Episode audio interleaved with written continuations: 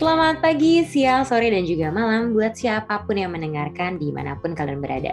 Semoga kalian masih dalam keadaan yang sehat-sehat aja ya, dan gak cuma sehat secara fisik, tapi juga sehat secara mental. Selamat datang teman-teman di podcast Metanoia. Harapannya di sini kita bisa sama-sama berkembang untuk menjadi pribadi yang lebih baik lagi. Nah, speaking of menjadi pribadi yang lebih baik lagi, hari ini kita bakal bicarain topik. Jadi beda ya sama podcast episode-episode podcast biasanya. Kalau misalnya di Metanoia kita bakal lebih banyak poet, bakal banyak puisi. Kalau hari ini kita bakal cerita-cerita, kita bakal sharing-sharing tentang topik kenapa sih harus cerita. Nah, hari ini untuk membahas hal tersebut karena kan biasanya kalau kita ngerasa pengen cerita tapi segan nih pengen cerita tapi ya ya udahlah punya banyak masalah tapi ah ya udahlah dipendem aja gitu. Nah hari ini untuk menemani kita kita bakal ditemani oleh Kak Latifah Dinar S psikologis. Beliau merupakan eh, CEO dan co-founder dari Diceritain tadi. Jadi kalau teman-teman lihat di Instagram ada platformnya Diceritain tadi luar biasa sekali teman-teman. Beliau juga sebagai Young Leaders for Indonesia's Wave 13 by McKinsey and Company.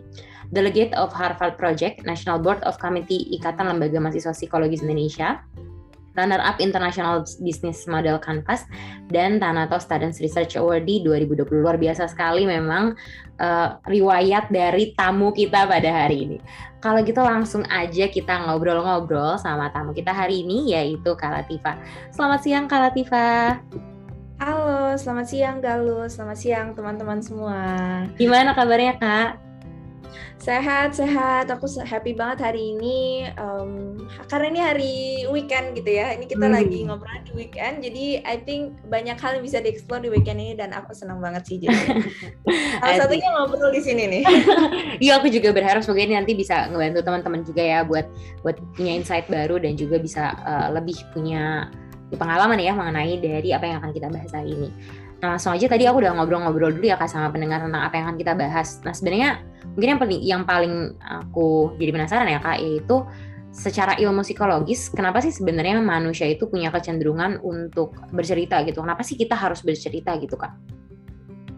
Um, kalau kita balik uh, ke ilmu psikologi sebenarnya ilmu psikologi itu based on ev um, apa ya evolusinya manusia gitu. Perkembangan manusia memang dari dulunya tuh kayak gimana gitu ya. Nah uh, dari dari ilmu evolusinya sendiri gitu ya uh, emang manusia itu butuh kehadiran orang lain di hidup mereka gitu. Jadi manusia itu memang diciptakan uh, nature-nya gitu ya itu dia nggak nggak bisa untuk sendirian gitu. Nah uh, karena manusia nggak bisa sendirian makanya cenderung kalau ada apa-apa itu berbagi ke orang lain apa siapa pun yang ada di sekitar mereka gitu. Dan manusia juga punya kecenderungan biasanya untuk uh, cari komunitas gitu ya, cari eh, orang-orang uh, yang bisa uh, bersama mereka gitu. Jadi mereka nggak ngerasa sendirian. Nah, uh, kenapa kita harus cerita gitu ya?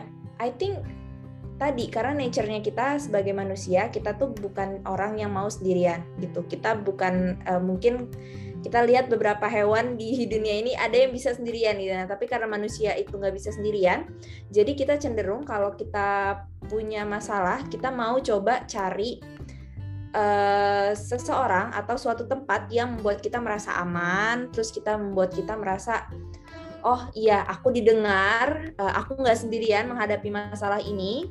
Uh, makanya kita cenderung cerita ke orang lain dan biasanya juga yang memang kita kita ceritakan itu kalau kita cari gitu ya kalau kita udah lagi cerita sama orang lain tuh memang kita nggak minta mereka untuk ngasih solusi sih biasanya gitu ya. Tapi kita minta mereka hanya jadi pendengar aja itu sebenarnya udah cukup gitu. Dan dan itu sebenarnya yang uh, membuat manusia kadang cenderung mau cerita ke orang lain. Karena dia memang nggak uh, butuh uh, solusi sebenarnya tapi memang butuh uh, untuk ditemani aja nih dia bisa yakin kalau dia menghadapi suatu masalah atau suatu ancaman di luar sana itu nggak sendirian kayak gitu. Hmm, berarti sebenarnya secara naluriah pun maksudnya memang secara habitat yang sudah kita dibentuk pun ya kita memang butuh orang gitu ya kak butuh ceri butuh teman untuk bercerita ya kak. Betul betul dan uh, mungkin cerita itu ya kalau misalnya kita udah apa ya kayak kita cari orang untuk kita cerita secara ilmu psikologi juga itu bisa bantu kita untuk uh, apa ya nge-reduce stres kita, nge-reduce kecemasan kita gitu. Dari uh, mungkin apa yang menjadi uh, concern kita atau apa yang menjadi uh, yang menjadi hal-hal yang buat kita aduh ini aku harus cerita ke orang lain gitu. Hmm. Nah itu itu sebenarnya kalau kalau kita udah cerita sama orang sih um, secara ilmunya juga riset-riset membuktikan bahwa sebenarnya itu bisa mengurangi uh, kecemasan juga, mengurangi stres gitu. Makanya sebenarnya penting banget untuk kalau kita punya masalah kita sharing aja ke orang lain kayak gitu. Hmm, tapi aku sebenarnya ada penasaran sih kak aku pribadi ya mungkin nggak cuma aku doang tapi aku rasa teman-teman di sini pun yang dengar dan datang ke sini mungkin masalah utamanya adalah karena ngerasa kalau mau cerita tuh jadi sungkan gitu. Jadi kayak aduh kok takut ganggu orang ya? Terus akhirnya milih buat dipendem dipendem dipendem gitu. Nah sebenarnya apa sih paling buruk yang bakal terjadi nih ke kita kalau kita tuh nggak cerita atau kita dipendem-pendem aja gitu kak? Iya Uh, pastinya banyak ya macam-macam. Tergantung uh, apa yang kita pendem juga gitu. Misalnya kalau emosi nih yang kita pendem um, kesedihan marah gitu kan. Biasa mungkin emosi negatif ya yang kita pendem tentunya uh, jadinya baliknya lagi tuh emosi negatifnya keserap di dalam dalam tubuh kita gitu ya. Kayak tubuh kita tuh kayak spons gitu yang bisa nyerap semua emosi yang datang gitu ya. Hmm. Jadi kalau misalnya kita nggak bisa sharing emosi yang kita rasakan ke orang lain itu tuh nanti kita sendiri yang nyerap gitu. Hmm. Kalau spons itu kan sebenarnya bisa bisa kita peres untuk kita keluarin kan eh, hmm. cairan-cairan yang ada di pons itu gitu kan. Ibaratnya gitu juga sebenarnya kita manusia tuh bisa kita keluarin tuh emosi negatifnya. Jadi kita bisa nggak terbebas dari emosi negatif itu gitu ya. Hmm. Nah, tapi kalau kita nggak cerita, ya pastinya emosi negatif itu terus ada di di dalam tubuh kita gitu. Itu kalau kalau emosi gitu ya, uh, kalau berkaitan dengan emosi. Uh, kalau pikiran gitu, uh, biasa orang overthinking gitu kan suka suka banyak yang dipikirin gitu dan dan dia nggak mau cerita ke orang lain gitu. Nah uh, bisa jadi itu sebenarnya apa yang dia pikirkan tuh nggak selesai gitu. Sesimpel itu aja kalau dia nggak sharing ke orang lain. Uh, yang buruk yang terjadi adalah dia terus memikirkan itu dan masalahnya nggak selesai juga gitu. Uh, dan I think uh, banyak kejadian juga yang uh, akhirnya mungkin kalau ditanya yang paling buruk sih pastinya ke arah gangguan kesehatan mental lebih lanjut gitu ya. Mm-hmm. kayak misalnya uh, tadi orang yang memikirkan sesuatu terus menerus tapi dia tapi dia nggak sharing ke orang itu bisa jadi dia punya punya gangguan uh, kecemasan kah ke depannya atau mungkin uh, gangguan-gangguan lain gitu. Terus kalau misalnya dia memendam emosi negatif tadi gitu bisa jadi nanti uh, dia ujung-ujungnya uh, sorry to say misalnya depresi dan sebagainya kayak gitu. Itu hmm. hal yang paling buruk terjadi pastinya punya gangguan kesehatan mental lebih lanjut ya. Makanya kalau bisa kalau kita punya sesuatu uh, di sharing aja ke orang lain sih kalau menurut aku. Hmm, tapi menarik juga ya. Aku baru tahu kalau mungkin pemahaman pemahaman utamanya adalah bahwa kita tuh kayak spons gitu. Jadi kalau misalnya kalau misalnya negatif semuanya diserap sama kita, semuanya kita tahan ya kita juga bakal jadi negatif terus ya kayak. Ya. Makanya kita perlu banget ngeluarin biar kitanya sendiri pun bisa berkembang, kita sendiri pun bisa legowo gitu ya Kak bahasnya ya sebenarnya. Betul, betul, betul. Dan kita bisa berfungsi sebagai manusia gitu ya. Jadi memang esensi kesehatan mental itu eh esensi kita tahu kondisi psikologis kita itu sebenarnya biar kita tahu nih kita bisa berfungsi maksimal nggak sih sebagai manusia? Karena menurut aku kalau kita tadi kita punya banyak emosi negatif kita punya banyak pikiran yang kita pikirin dan kita pendam itu sendirian uh, banyak riset yang juga udah membuktikan bahwa kita sebagai manusia nanti bisa jadi nggak berfungsi dengan maksimal gitu. Misalnya uh, kita bisa harusnya bisa enjoy the day misalnya uh, kerja atau belajar dengan baik gitu. Tapi karena kita punya pikiran yang banyak kita punya emosi negatif yang banyak dalam tubuh kita jadi nggak mood ngapa-ngapain. Dan akhirnya semuanya nggak terselesaikan uh, pekerjaannya yang kayak kayak gitu sih sebenarnya juga uh, penting untuk diperhatiin gitu. Keren keren keren banget. Itu itu sentence yang menurut aku bener-bener jadi uh, highlight dan menurut aku jadi pemahaman aku banget ya. Oh hey, bener juga sih. Kalau kita terus mendem dan segala macam kita bener-bener nggak bisa bekerja sebagai manusia bener. So is it actually normal kak buat punya psikologis atau punya psikiatris buat diri kita sendiri? Atau seharusnya kayak in in case of an emergency aja gitu kita punya psikologis atau psikiatri buat diri kita sendiri. Atau sebenarnya normal-normal aja sih kak setiap dari kita punya psikologisnya pribadi gitu kak. Mungkin aku yang aku bisa bilang adalah kalau kita merasa ada sesuatu yang salah di uh, sisi psikologis kita gitu ya uh, psikologis itu hal yang abstrak ya. Kayak kita nggak bisa ngebayangin kayak uh, tubuh kita sebagai sesuatu yang fisik gitu um, menurut aku kalau memang ada ada kita merasa cemas, kita merasa stres, kita merasa ada emosi-emosi negatif, sedih, marah, I think ada batasnya gitu. Kalau misalnya uh, itu sesuatu yang normal yang kita rasakan sebagai manusia gitu ya. Hmm. Jadi uh, itu juga bukan sesuatu yang harus kita denial gitu. Bukan sesuatu yang harus kita tolak keberadaannya gitu. Kalau tiba-tiba kita ngerasa sedih, terus langsung eh nggak boleh aku nggak boleh sedih aku harus happy gitu. Kita maksain kita senyum kita ketawa. Itu juga nggak sehat gitu ya. Jadi uh, sebenarnya uh, punya masalah uh, kesehatan mental selagi masih dalam kadar yang wajar itu sebenarnya nggak apa-apa. Itu seba sebenarnya se sebuah dinamika kita sebagai manusia gitu ya. Kayak ibaratnya kalau kita sakit fisik gitu. Mungkin ada suatu momen yang kita secara di tubuh kita tuh uh, imun kita lagi nggak bagus gitu kan. Jadinya kita mm -hmm. gampang sakit misalnya. Habis itu kan toh juga kita akhirnya sembuh lagi gitu. Mm -hmm. nah itu psikologis kita juga kayak gitu sih sebenarnya uh, fungsinya gitu. Jadi um, kalau memang masih dalam uh, kadar yang normal gitu yang kita tahu gimana sih cara kita biasa nanganin ini gitu. Misalnya kita lagi sedih biasa kita kayak gimana sih biar nggak sedih lagi tapi nggak perlu ta tapi tanpa perlu menolak rasa sedih tadi itu nggak apa-apa. Kita kita coba sembuhin diri kita sendiri. Nah tapi ada momen-momen juga kadang orang eh, nggak uh, aware gitu ya. Nggak nggak tahu juga uh, dia harus ngapain dia hmm. harus uh, kayak gimana gitu. Dan uh, sebenarnya dia butuh bantuan orang lain tapi dia nggak nggak aware tuh kalau dia butuh bantuan orang lain. Nah itu tuh yang perlu diperhatikan sih menurut aku. Jadi mungkin itu hopefully bisa menjawab pertanyaan kamu tadi ya. Hmm, jadi sebenarnya mawas diri ya, mawas diri ya kan sebenarnya paling penting. Harus nge acknowledge apa yang kita rasain gitu ya harapannya. Ya, uh, sebenarnya yang mungkin ini menurut aku kalau aku ya kak mikirnya bahwa uh, kalau konsep premis kita adalah aduh takut ganggu orang, aduh sebenarnya ini masalahku sepele nih, sepele nih. Ini tuh adalah masalah pola pikir gitu ya Kak, bahwa ini tuh sebenarnya cuma ada di pikiran kita doang. Nah, sebenarnya pola pikir yang kayak gimana sih Kak yang harus kita ubah? Pola pikir yang kayak gimana yang harus ada di kita dalam ngatasin bahwa kata-kata yang ada di diri kita sendiri kayak aduh takut ganggu orang, aduh lu masalahku sepele, takut takut ngeribetin orang gitu Kak. Um, I think yang perlu kita bangun adalah uh, kita harus berpikir bahwa memang semua orang punya masalah nih. Hmm. Itu per, uh, karena kita uh, jadi biasanya orang tuh berpikir cuman sampai semua orang punya masalah titik gitu. Padahal itu tuh uh, ada koma ya. Jadi kayak semua orang punya masalah koma, tapi semua orang juga butuh sharing masalahnya ke orang lain. Oh, iya iya. Aduh merinding aku kak.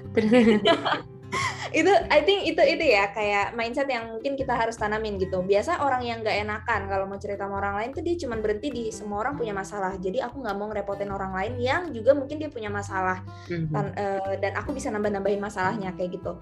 Nah tapi yang perlu kita tahu adalah uh, orang semua orang punya masalah, semua orang butuh cerita masalahnya juga gitu. Nah kalau memang at the end kita takut uh, ngerepotin orang lain gitu takut uh, nyusahin ganggu orang. Padahal ini masalah sepele. Uh, kalau memang di posisi itu kita sebenarnya lagi butuh untuk cerita nggak apa-apa cerita aja. Tapi perlu ingat juga bahwa oh oke okay, kalau udah aku aku udah cerita kayak gini dan aku udah lega enak kan rasanya uh, aku udah lega nih cerita ke orang. Berarti nanti kalau ada orang yang cerita juga ke aku mungkin aku harus bantu juga nih bantu siap dengerin mereka kayak gitu. Jadi sebenarnya sih kalau semua orang bisa mikir kayak uh, apa ya semua orang punya masalah dan semua orang butuh cerita masalahnya, I think kita semua uh, as a human gitu bisa saling tolong satu sama lain. Jadi kalau kita punya masalah kita cerita, nah nanti kalau orang lain punya masalah cerita ke kita, kayak gitu sih. Timbal balik berarti jatuhnya ya, kayak kita harus paham iya, apa timbal balik. Hmm. hmm. Kalau gitu, ini mungkin uh, misalnya dia udah uh, Oke, okay, misalnya ini konteksnya di cerita tadi kita dari tadi punya konteksnya adalah kenapa kita harus cerita. Tapi kalau misalnya kita lihat secara umumnya secara luasnya lagi gimana sih kak sebenarnya secara dari psikologis ya kak? Dan mungkin dari pengalaman kakak juga. Uh, gimana a healthy way buat overcome segala rasa yang gak enak-enak itu? Terus apakah sebenarnya menurut kakak nih ada batasan coping mechanism? Karena kan ada yang bilang coping mechanism orang adalah gunting rambut and it's normal. Ada yang bilang coping mechanism adalah minum-minum alkohol and it's normal gitu. Nah aku jadi penasaran. Sebenarnya ada nggak sih batasan coping mechanism atau sebenarnya batasan coping mechanism itu adalah diri kita sendiri kak? Hmm, um, aku tuh selalu ini ya kayak mengibaratkan diri diri sendiri tuh kayak baterai HP gitu ya. Uh, mungkin aku sering juga nih sharing ke orang-orang tentang ini gitu.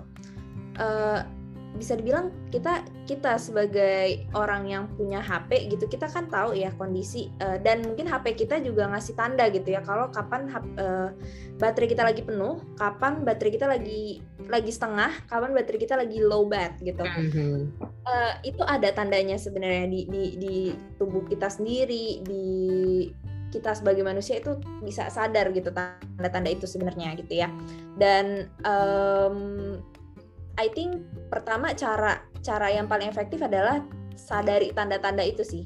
Sadari dulu tanda-tandanya gimana sih uh, tanda-tandanya kalau muncul tuh biasa dia di kondisi apa sih kayak gitu.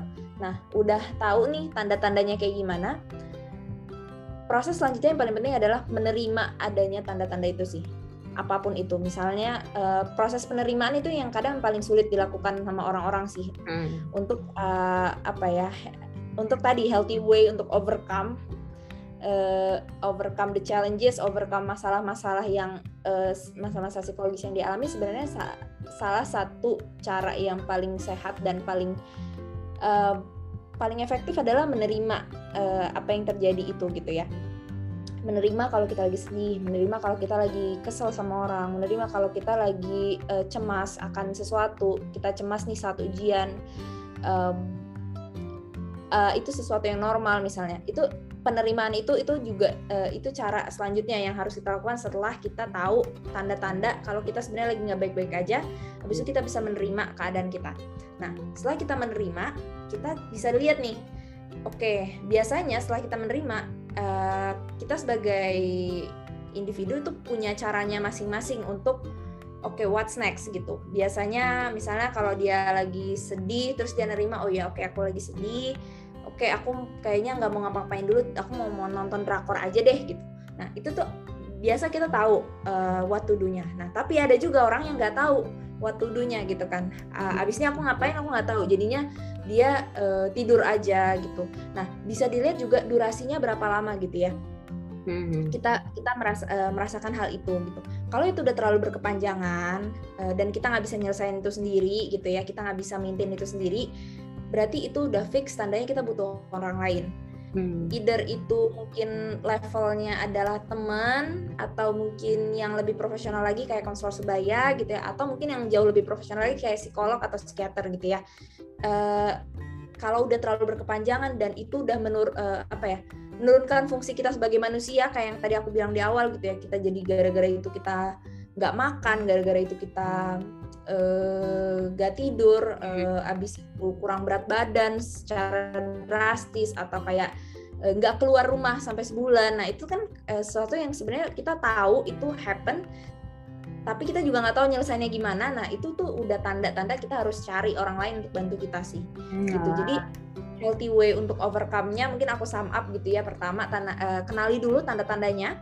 Yang hmm. kedua terima apa pun yang terjadi di dalam diri kita yang ketiga uh, kita harus decide apakah sebenarnya kita bisa mutusin ini uh, menyelesaikan ini sendirian atau sebenarnya kita butuh orang lain gitu kalau memang kita butuh orang lain uh, langsung cari pertolongan hmm. kayak gitu sih kalau untuk tanda-tandanya tadi apakah sebenarnya ada um, apa ya sama semua orang sama atau sebenarnya kita sendiri yang harus belajar untuk memahami tanda-tanda dari kitanya kan? Uh, I think tiap orang beda-beda sih. Jadi um, kita sendiri yang tahu gitu ya. Karena kadar sedih aku sama kamu tuh beda gitu. Uh, kadar hmm. sedih, misalnya, uh, misalnya nih contoh simpel ya, mungkin sering kejadian ya di mahasiswa. Misalnya ada orang yang dapat nilai uh, 80 gitu. Hmm. Terus ada si A bilang, aduh nilai 80 ini buat aku nih jelek gitu. Nah, sementara si B 80 aja buat aku udah bagus. Nah, itu kan beda-beda gitu ya kadar mm -hmm. kadar uh, kadar tiap orang tuh beda-beda gitu. Jadi I think uh, lebih bagus tuh kalau kita tahu diri kita sendiri tuh kayak gimana sih. Hmm, kalau ini sebenarnya ngebahas lanjut lagi ngebahas tentang kadar kali ya kak ngelanjutin dari yang sentence kakak kakak sepakat nggak kak kalau kadar yang kita yang ngebentuk kita itu sama dengan apakah kita kuat atau enggak jadi artinya aku kadang suka mikir ya kak kalau misalnya aku ada ngelihat kalau ada teman-teman aku yang yang gampang nangis atau yang gampang yang gampang bete-nya itu kita ngelihatnya tuh perspektifnya masih kayak lu lemah banget sih gitu. Nah kakak sepakat hmm. nggak sih kak batasan setinggi apa batasan yang kita bentuk itu ad, menggambarkan juga sekuat apa diri kita? Uh, iya, aku bisa aku sepakat. Aku uh, bisa bilang kalau ada pilihannya iya atau enggak, aku sepakat. Tapi um, kita perlu perlu sadar juga perlu aware bahwa batasan itu tuh nggak uh, dia nggak stuck di situ aja gitu jadi mm-hmm. it's okay kalau misalnya sekarang kondisi kamu uh, apa ya resiliensi yang kamu punya gitu ya ketahanan banting kamu kekuatan kamu untuk menahan masalah yang datang itu rendah gitu misalnya sekarang nggak apa-apa karena uh, itu bukan berarti sebulan lagi kamu tuh juga ser, uh, levelnya tuh di, di titik yang sama itu. Uh, bisa menahan kekuatannya tuh di titik yang sama itu belum tentu gitu ya. Bisa jadi kalau memang setelah kamu lewati fase si si yang satu ini bisa jadi kamu abis itu oh ya aku belajar nih kemarin dari dari proses aku yang sedih kemarin itu aku jadi belajar kalau misalnya nanti kejadian lagi di ke depannya aku harus A B C D E. Nah abis itu di masa depan nih tiba-tiba kejadian lagi bisa hmm. jadi level kita tahan banting sama masalahnya tadi itu jadi lebih meningkat nah, gitu. ya. nah itu jadi aku bisa bilang iya uh, bisa indikatornya itu uh, kita kuat apa enggak sama masalah uh, yang kita hadapi uh, tapi bukan berarti kekuatan kita tuh berhenti di situ aja gitu levelnya di level yang sama itu selalu berubah-ubah menurut aku gitu sih jadi akan terus berkembang ya kak berarti kalau Tiffany sepakat kalau terbentur terbentur terbentuk gitu jadi kalau udah udah dibentuk ya. terus udah terbentuk ya Oke, okay, ini pertanyaan terakhir aku sih kak. Uh, tadi kita udah bicarain dari sisi kita ya yang bercerita. Kalau dari sisi si pendengar, kita sering sekali mungkin aku pribadi kadang ngerasa aku bukan pendengar yang baik atau bahkan teman-teman aku pun juga ngerasa, aduh jangan cerita ke gue dulu deh, gue gue bukan pendengar yang baik itu, gue bukan bukan yang bisa memberikan nasihat.